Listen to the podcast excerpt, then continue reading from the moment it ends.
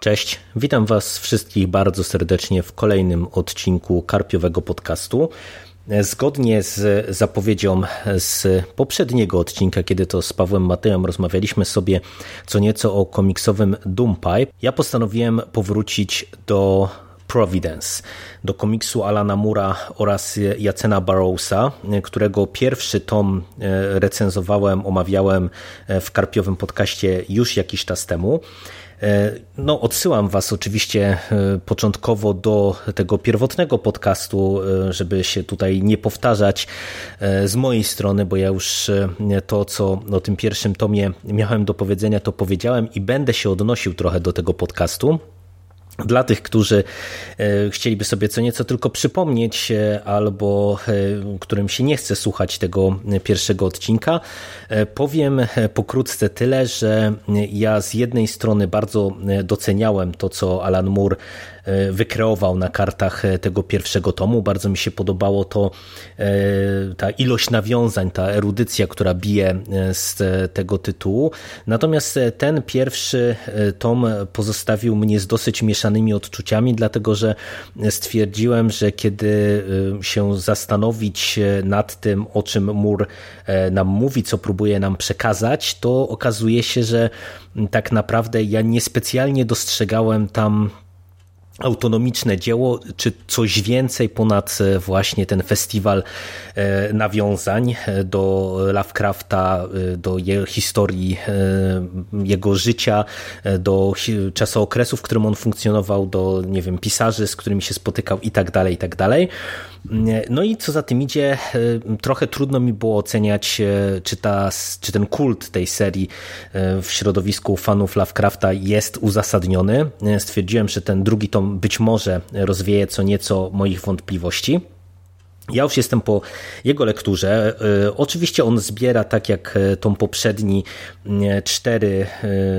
tak te rozdziały, cztery zeszyty pogrubione. Tak jak poprzedni tom,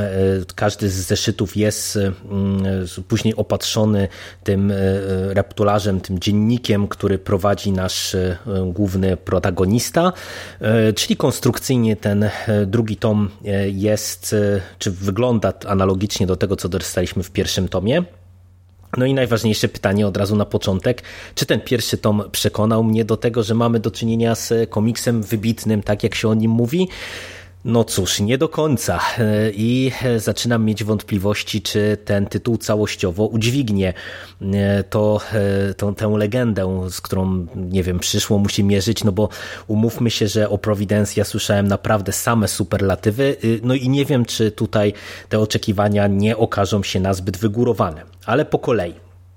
E, jakie ja mam problemy z tym tytułem i dlaczego ja e, póki co nie jestem jakoś specjalnie usatysfakcjonowany lekturą, czy, czy moje uczucia są bardzo, bardzo mieszane. Po pierwsze, mm, kwestia e, jakby tej formuły przyjętej przez Mura. Mamy te zeszyty opatrzone później komentarzem naszego protagonisty w ramach dzienników. No i o ile w pierwszym tomie ja to dosyć chwaliłem, dlatego że ten dziennik e, dawał nam nie tylko wgląd w przemyślenia naszego głównego bohatera, ale przede wszystkim on prezentował, e, nie wiem, nowy kontekst niektórym znaczeniom, e, prezentował nam wydarzenia, które gdzieś tam tylko były zasygnalizowane w komiksie, mm, nie wiem, były fajne smaczki w pokroju tej ulotki tajemniczego kościoła z Innsmouth, tego rodzaju rzeczy, czyli jakby miałem poczucie, że te zeszyty są później rozbudowywane przez e, te zapiski e, Blacka. E, tutaj mam z tym bardzo potężny problem, dlatego że z jednej strony tych zapisków jest, odnoszę wrażenie, sporo więcej niż było w pierwszym albumie. No sporo oczywiście to jest, może, to może być relatywne, no bo tego nadal jest jakby dużo mniej w stosunku do normalnych zeszytów, ale generalnie tego tekstu jest dosyć dużo. A niestety podstawowy problem e, z tym jest taki, że to jest nudne i nieciekawe. Dlaczego? Dlatego, że z jednej strony nasz protagonista no, pisze oczywiście tak, jakby pisał w czasie, w którym żyje, czyli jest to wszystko mocno stylizowane. Czyta się to mało przyjemnie i mało płynnie, powiedziałbym, a z drugiej strony, i to jest jakby mój największy zarzut, my kompletnie praktycznie rzecz biorąc, zatraciliśmy mm, to, co było siłą właśnie tego elementu w pierwszym tomie, czyli to, że dostajemy jakieś nowości, ciekawostki, nowe spojrzenia. Tak naprawdę większość tych e, czterech fragmentów dziennika powiela e, niektóre, to powiedziałbym nawet krok po kroku, to co widzieliśmy wcześniej na kartach komiksu, na kartach zeszytu, z jakimiś, jakimiś mikroskopijnymi ilościami e, komentarza tego odautorskiego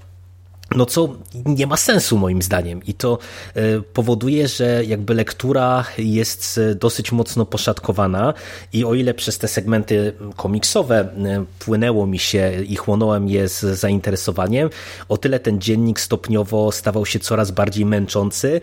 i po prawdzie, to ja z perspektywy tych dwóch tomów, to y, ja do końca nie rozumiem, jakby jaki był cel y, i co przyświecało Murowi, żeby ten element y, w ogóle tutaj wprowadzić.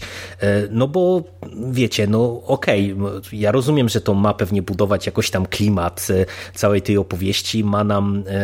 jakby wzmacniać to poczucie, że obcujemy z dziennikarzem, z autorem, z kimś, kto jakby zapisuje to wszystko, co go spotyka na bieżąco, e, no tylko niech tam będzie coś dodatkowego, niech tam będą jakieś ciekawostki, niech właśnie będzie ten świat rozwijany, e, bo po co mamy powielać to, co już widzieliśmy wcześniej, nie wiem, nie rozumiem i moim zdaniem to jest chybione na całej linii, patrząc z perspektywy tego drugiego tomu. Drugi mój problem e, z tym e, albumem, z tym drugim tomem, Providence, jest taki, że mm, to moje poczucie, że ta historia poza e, erudycyjnymi fajerwerkami ma tak naprawdę relatywnie niewiele do zaoferowania, stało się bardzo silne, żeby nie powiedzieć dojmujące. I to jest dla mnie bardzo mocno problematyczne, dlatego że z jednej strony, kiedy widzimy listę nawiązań, e, tutaj Mateusz Kopacz ponownie odwalił kawał niesamowitej e, roboty, wyciągając czy wskazując na różnego rodzaju nawiązania, z którymi mamy do czynienia w poszczególnych zeszytach, no to jest tego naprawdę mnóstwo. I e, tutaj widać naprawdę na każdej stronie, e, z każdego punktu, ile pracy Mur poświęcił w research, e, ile czasu zajęło mu przygotowanie tego wszystkiego,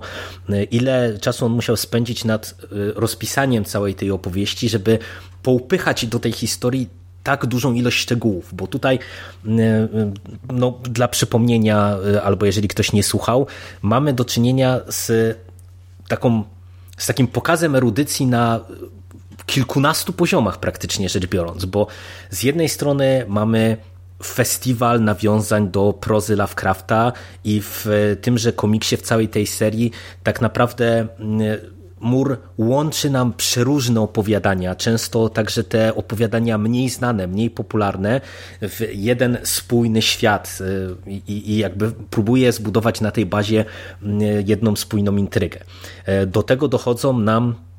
wszystkiego rodzaju e, ciekawostki, odniesienia do historii, do historii czasów, w których żył Lovecraft, do historii e, czy to jakichś kontekstów, e, nie wiem, społeczno-politycznych danych miejsc. Jak mamy, nie wiem, tutaj na przykład cały rozdział rozgrywający się w Bostonie i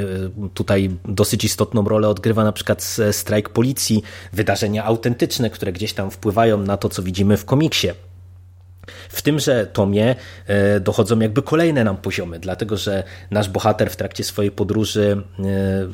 spotyka się z pisarzami, spotyka e, się z jednym z pisarzy, który no z tego co tutaj można wyczytać właśnie w ramach tych ciekawostek, tak naprawdę gdzieś tam ma wiele punktów spójnych z samym Lovecraftem, ale później nagle okazuje się, że nasz protagonista poznaje samego Lovecrafta, poznaje Lora, Lorda Dunsany e, i wiecie, i to są takie elementy, które budują kolejny kontekst. A jaki poziom, czyli jaka, jakiś, jaka szczegółowość tego wszystkiego jest, to pozwolę sobie przytoczyć jedną z ciekawostek, którą wyciągnął Mateusz Kopacz tutaj gdzie w jednej z sekwencji na spotkaniu autorskim właśnie z Lordem e, jest nasz bohater e, wespół z tym swoim przyjacielem pisarzem i mamy gdzieś tam w tle taką scenkę, gdzie e, dwie kobiety, czy, czy starsza kobieta i dziewczyna rozmawiają o tym, czy ona podejdzie zdobyć autograf, czy nie i tak dalej. E, ta scenka jest dosyć mocno e, uwypuklona i nagle okazuje się, że tak naprawdę cała ta sekwencja to jest nawiązanie do konkretnych wydarzeń, e, którą, które Lovecraft, który też był na tym spotkaniu, opisał właśnie w swoich listach, gdzie tam jego jakaś tam znajoma nie podeszła do Lorda, nie zdobyła autografu, po czym napisała do niego list, jednak ten autograf zdobyła. Wiecie, no to jest, no mówię, taki pokaz erudycji na poziomie, no E, powiedziałbym, popisywania się przed e, widzami. I to jest coś takiego, co myślę, że nawet dla fanatyków, ja bym powiedział, a nie tylko fanów, to część tych kontekstów pewnie ucieka, no bo mówię tutaj oprócz cał, całego szeregu tych takich nawiązań, które my jesteśmy w stanie wyłapać, jeżeli nie wiem, jesteśmy czytelnikami prozy Lovecrafta, no to dochodzą nam właśnie tego rodzaju rzeczy wyciągnięte, nie wiem, gdzieś tam z listów, z jakiejś korespondencji Lovecrafta i tak dalej, i tak dalej, które no takiemu, mówię, fanowi chociażby tylko jego prozy e, będą uciekały. No i e, wiecie, to jest wszystko e, super i to naprawdę robi niesamowite wrażenie, bo podług tego, co często się w tej takiej prozie, komiksach i w różnego rodzaju utworach, które czerpią z literatury Lovecrafta, daje odczuć, to jest to, że autorzy jakby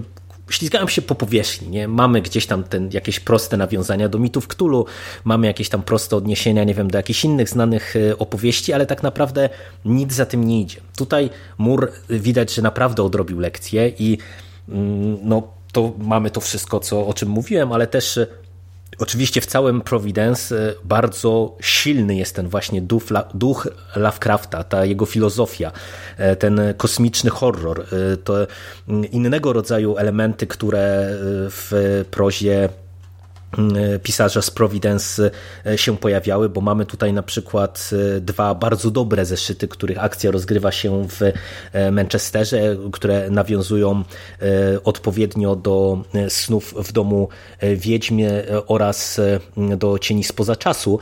I na przykład wiecie, tutaj mamy wszystkie te elementy związane właśnie ze snami, z tą przestrzenią nieuklidesową i tak dalej, i tak dalej,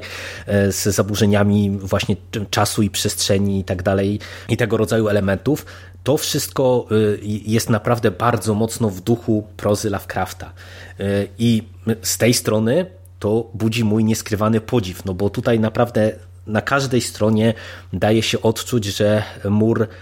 sam jest fanem, żeby nie powiedzieć fanatykiem i daje temu upust we wszelki możliwy sposób.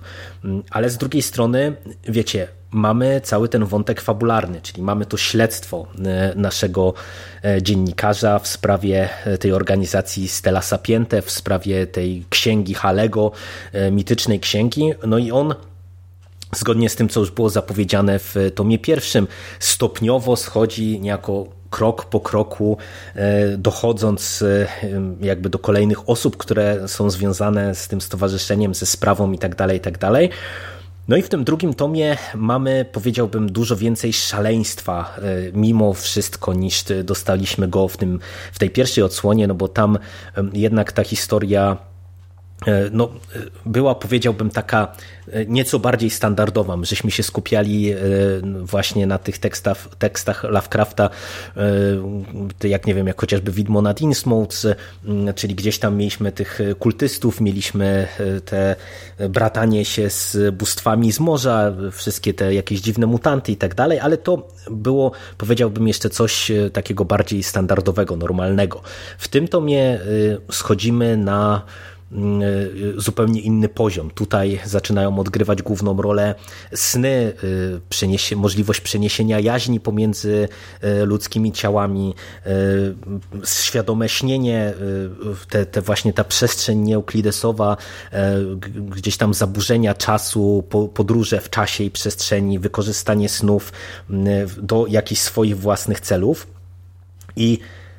to, jak to jest tutaj zrobione w tym komiksie, to też budzi mój podziw, dlatego że naprawdę e, świetnie udało się Murowi i również rysownikowi, bo tutaj trzeba jasno sobie podkreślić i jasno to powiedzieć, że Jacen Barrows to jest rysownik, który ewidentnie współtworzy tą historię, bo to, co on robi tutaj na wielu kadrach, gdzie mamy właśnie, nie wiem, jakieś zaburzenia chronologii, gdzie w kadrze widzimy coś, co teoretycznie bohater, nie wiem, dopiero ma przeżyć, y, albo co wydaje mu się, że, że już przeżył y, kilka tygodni temu, a, nagle jest świadkiem tej sytuacji i widzi siebie. To wszystko jest świetnie rozrysowane y, na kartach tego komiksu, jest to dobrze rozpisane scenariuszowo. Nam się w trakcie lektury naprawdę udziela y, jakby to zaszczucie bohatera, no bo on tak naprawdę tutaj y, wchodząc coraz głębiej w całą sprawę, mm, no spotyka się z y, rzeczami, które stanowią dla niego bezpośrednie zagrożenie fizyczne, ale także stanowią dla niego jakby bezpośrednie zagrożenie takie psychiczne, które odbijają się na jego nie wiem, postrzeganiu siebie, postrzeganiu świata, e, no on stopniowo, nie ma co ukrywać, e, zaczyna popadać e, momentami w szaleństwo. To wszystko mm, Murowi i właśnie rysownikowi Barrowsowi udało się oddać tutaj znakomicie. Zresztą Barrows e, odwala naprawdę niesamowitą robotę, bo tutaj mamy te sekwencje e, związane ze snami, z tym świadomym śnieniem i z całą tą filozofią, która stoi za e, tą organizacją Stella Sapiente. I wiecie, jak to w świecie snów, my nagle widzimy jakąś tam pewną taką transgresję, transgresję, zaczyna nam się coś przenikać pomiędzy światem rzeczywistym, a tym światem snu. My, tak jak bohater, trochę nie wiemy, czy to jeszcze je, jest rzeczywistość, czy to już jest sen. E, bardzo dobrze to jest wszystko rozgrywane. No i wiecie, słuchacie mnie, e, słyszycie, że e, mówię o tych wszystkich sprawach z zaangażowaniem, więc pewnie zaczynacie się zastanawiać, skąd te moje mieszane uczucia. No właśnie stąd, że tak po prawdzie to ja nadal nie wiem, co nam tutaj Mur chce opowiedzieć. I wiecie, to jest e, interesująca historia, to jest ciekawie prowadzone, to jest historia bardzo mocno w duchu Lovecrafta, tylko e, brakuje mi tutaj jakby właśnie jakiejś swoistej autonomii. No, no, wiecie, jednak e, tych naśladowców Lovecrafta jest bardzo dużo i nie wiem, mamy na jednym biegunie chociażby takiego Edwarda Lee, nie wiem, omawialiśmy jego wariacje na temat Lovecrafta kiedyś też z Pawłem Mateją i on idzie, nie wiem, w jakieś ekstrema, jakieś wynaturzenia i tak dalej, i tak dalej. I, i okej, okay, no to jest jakby jeden biegun. Mamy tych wszystkich epigonów Lovecrafta, którzy jeden do jednego starają się powielać e, mity Cthulhu i, i rozwiązania tam zawarte. No, no okej, okay, no też dla rozrywki czemu nie? I teraz ja trochę nie czuję jakby co chciał nam Mur przekazać, dlaczego on wykonał tak tytaniczną pracę, E, dlaczego jakby zdecydował się w ten sposób podejść do tematu? No bo ta historia, pomimo tego, że e, ma naprawdę e, mocne momenty i to mocne w sensie straszne, niekomfortowe, przerażające, bo między innymi znowu tutaj Mówię znowu, bo Mur w swojej twórczości podejrzanie często używa gwałtu jako elementu po pchnięcia akcji do przodu, bo tak było z tego co pamiętam w Neonomikonie, tak było przecież w Strażnikach, gdzie ten element był dosyć ważny, e, tak jest i tutaj i jeszcze z tego co pamiętam w paru innych komiksach, nie wiem, chociażby też e, przemoc seksualna się pojawia w Zabójczym Żarcie, no to jest pewnie temat na osobny podcast, dlaczego e, Mur akurat na takie rozwiązania się decyduje. Tak czy siak jakby to naprawdę działa na czytelnika i to wybija mocno nas E, jakby ze strefy komfortu. E, więc wiecie, mamy z jednej strony mocną historię, bardzo mocno, mocno w duchu Lovecrafta, no tylko dlaczego tu jest wykonana tak tytaniczna praca, skoro tak naprawdę myślę, że porównywalny efekt z punktu widzenia 99% e, czytelników, e, nawet fanów pisarza, dałoby się osiągnąć bez tego tysiąca odniesień. E, mówię, trochę brakuje mi autonomii, trochę, ja nie wiem, czy gdzieś my tutaj właśnie dostaniemy coś więcej, nie? Tam padało takie stwierdzenie w pierwszym tomie, jeżeli dobrze pamiętam, że to jest ta, że, że tutaj ten nasz protagonista chce napisać tą historię o tym, tej ukrytej Ameryce, Ameryce, o tym ukrytym duchu Ameryki. Tylko, że mm, i, ja, wiecie, ja myślałem, że być może w takim kierunku to wszystko pójdzie, nie? że mur jakby wykorzysta prozę Lovecrafta, wykorzysta całą otoczkę historyczną i tak dalej, i tak dalej, żeby e, coś nam powiedzieć, nie wiem, czy to o, współczesnej Ameryce, czy, czy o Ameryce tamtego okresu. Tu na razie nic takiego e, nie dostrzegam. E, no i zważywszy na to, że jesteśmy po dwóch trzecich całej tej opowieści, obawiam się, że nie dostrzega. Obawiam się niestety już na tym etapie, e, że to będzie tylko e, erudycyjna ciekawostka, coś dla absolutnie najwierniejszych fanów Lovecrafta albo Alana Mura. No i tyle. Tylko tyle albo aż tyle, w zależności jaka jest wasza perspektywa. E, jeżeli jesteście fanami Lovecrafta, e, jeżeli e, spodobał wam się pierwszy tom, no to ja was nie muszę zachęcać, bo pewnie już ten drugi tom no, kupiliście, już jesteście po lekturze. Ja z drugiej strony, jeżeli właśnie nie należycie do tej grupy, to miałbym problem, żeby wam ten tytuł polecić na tym etapie, dlatego że mm, wydaje mi się, że to nie jest lektura mimo wszystko dla każdego i, i właśnie jeżeli nie jesteście fanami Lovecrafta, to nie wiem, czy to na was podziała, a może z kolei odwrotnie, a może tak jak też trochę zastanawiałem w pierwszym tomie, a może jeżeli ktoś e, tej prozy Lovecrafta nie zna, no to paradoksalnie dostanie więcej, no bo jednak my, czytelnicy Lovecrafta, no to jednak dużo no może nie to, że jesteśmy w stanie przewidzieć, ale dużo elementów jakby się powtarza. Y, widzimy, kiedy nie wiem, widzimy studnie, gdzie spadł meteoryt i, i agentów rządowych, to od razu y, wiemy, jak to umiejscowić, wiecie, kolor z przestworzy i wszystko, e, y, co z tym związane. I być może właśnie, jeżeli ktoś nie jest fanem Lovecrafta, być może będzie mu się to przyjemniej czytało, ale z drugiej strony właśnie, jeżeli nie jest fanem Lovecrafta, to, to czy jest sięgać po Providence, czy nie lepiej sięgnąć po materiał źródłowy? Na to pytanie jeszcze nie odpowiem. Ja ten trzeci tom e, na pewno e, przeczytam, kiedy on się tylko pojawi e, i wtedy postaram się spojrzeć na całą serię już kompleksowo i no, powiedzieć Wam, czy, czy tutaj jednak gdzieś nas to wszystko zaprowadziło i, i na ile jednak ta legenda Providence